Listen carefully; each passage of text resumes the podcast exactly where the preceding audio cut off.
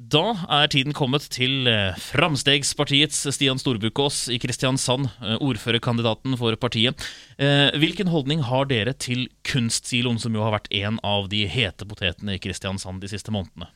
Ja, het er han absolutt, og han var så het at vi valgte å tre ut av flertallskoalisjonen i Kristiansand nettopp pga. den saken.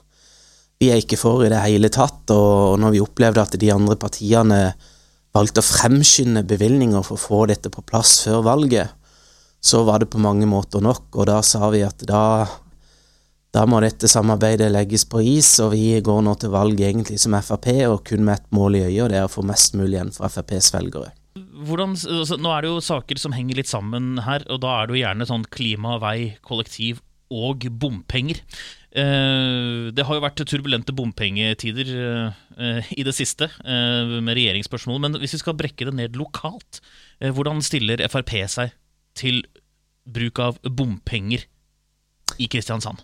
Ja, altså Det er jo det som er veldig viktig å få frem ved et lokalvalg. Det er jo det at Kristiansand Frp ved enhver tenkelig korsvei har stemt imot de bomstasjonene og rushtidsavgiftene vi har rundt byen. og jeg mener det er en like dårlig idé å innføre dette nå som har ment tidligere, og vi kommer til å gå imot det. Um, vi har uh, hele trafikken fra E18 og 39 som går gjennom Kristiansand by, og det at uh, borgerne våre skal straffes ekstra pga. det, syns jeg er en fryktelig dårlig idé. Så har vi det faktum at uh, når det gjelder finansieringa som sosialistene vil ha av bussen, så vil de jo finansiere det med bompenger, men hvis da mange færre slutter å kjøre gjennom, så mister jo de den finansieringa. Så de planene de har, henger jo ikke på greip, i tillegg til at det er usosialt.